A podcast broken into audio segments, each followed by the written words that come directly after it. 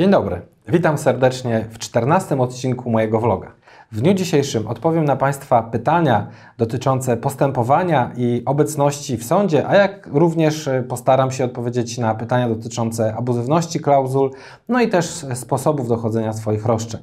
A więc zaczynamy. Jeżeli chodzi o stawiennictwo się Frankowicza w sądzie, no generalnie tutaj należy powiedzieć, że w toku rozprawy cywilnej sąd przeprowadza postępowanie dowodowe.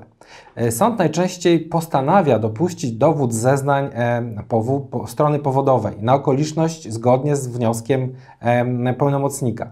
Wobec tego, jeżeli zeznania takie będą faktycznie miały przed sądem swoje, swoje miejsce, no to one mogą się okazać bardzo potrzebne dla sądu do tego, aby zweryfikować tezy stawiane przez bank, czyli takie postępowanie tak naprawdę wtedy jest uzupełnione o 30-45 minutowe wypowiedź, wypowiedź strony powodowej, czyli Frankowicza.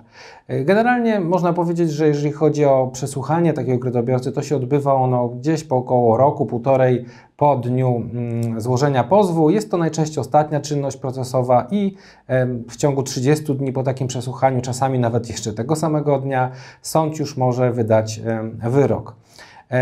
Pytanie do, następne dotyczy abuzywności. Czy każda umowa zawiera taką abuzywność? Otóż większość kredytów e, frankowych została udzielona na podstawie e, wzorów umownych banków, które zawierają klauzule abuzywne. Jednak każdy przypadek wymaga indywidualnej analizy. E, w zależności od wyniku analizy różnie przedstawiają się też koszty prowadzenia takiego postępowania. Każdy frankowicz może to sprawdzić, czy w jego umowie znajdują się klauzule abuzywne, wypełniając chociażby formularz kontaktowy RODO na naszej stronie i wysyłając umowę kredytową do analizy. W ciągu 3 dni zwrotnie przesyłamy taką analizę wraz z ofertą prowadzenia postępowania. Wystarczy zgłosić się wypełniając e, taki online formularz. Natomiast w świetle artykułu 385.1 KC postanowienia umowne zawierane z konsumentem niezgodnie, e, indywidualnie wiążą go, jedynie kształtują obowiązki w sposób sprzeczny z dobrymi obyczajami, rażąco naruszając jego interesy, czyli to są tak zwane niedozwolone postanowienia umowne. Nie dotyczy to postanowień określających główne świadczenie stron, w tym cenę lub wynagrodzenie, jeżeli zostały one sformułowane w sposób jednoznaczny. Czyli tutaj klauzulę niedozwoloną jest zatem postanowienie umowne zawarte z konsumentem, e, które spełnia łącznie wszystkie przesłanki określone w przepisie 385 cyferką 1 KC, czyli to nie jest to postanowienie uzgodnione indywidualnie, nie jest to postanowienie określające główne świadczenie stron i kształtuje prawa i obowiązki konsumenta w sposób sprzeczny z dobrymi obyczajami, rażąco naruszające jego interesy. No i teraz odnośnie w ogóle samych pozwów, co jest bardziej korzystne, czy pozwy zbiorowe, czy indywidualne. Otóż w polskich realiach pozwy zbiorowe są zupełnie nieefektywne, ciągną, ciągną się latami i tak naprawdę nie ma żadnych skutecznych jakby do tej pory rozwiązań.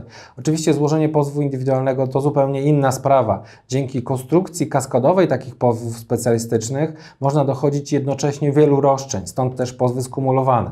Najczęściej e, przez sąd uwzględniane są w sprawach frankowych obecnie roszczenia 4, można to tak nazwać, z tytułu nieważności umowy, czyli artykuł 410 w związku z artykułem 405 KC, o ustalenie, czyli stwierdzenie nieważności umowy, artykuł 189 w związku z artykułem 58, roszczenie ewentualne o zapłatę z tytułu e, wyeliminowania klauzul abuzywnych oraz roszczenie ewentualne o ustalenie, iż postanowienie umowne dotyczy e, właśnie klauzul abuzywnych. Chodzi tu o klauzule przeliczeniowe.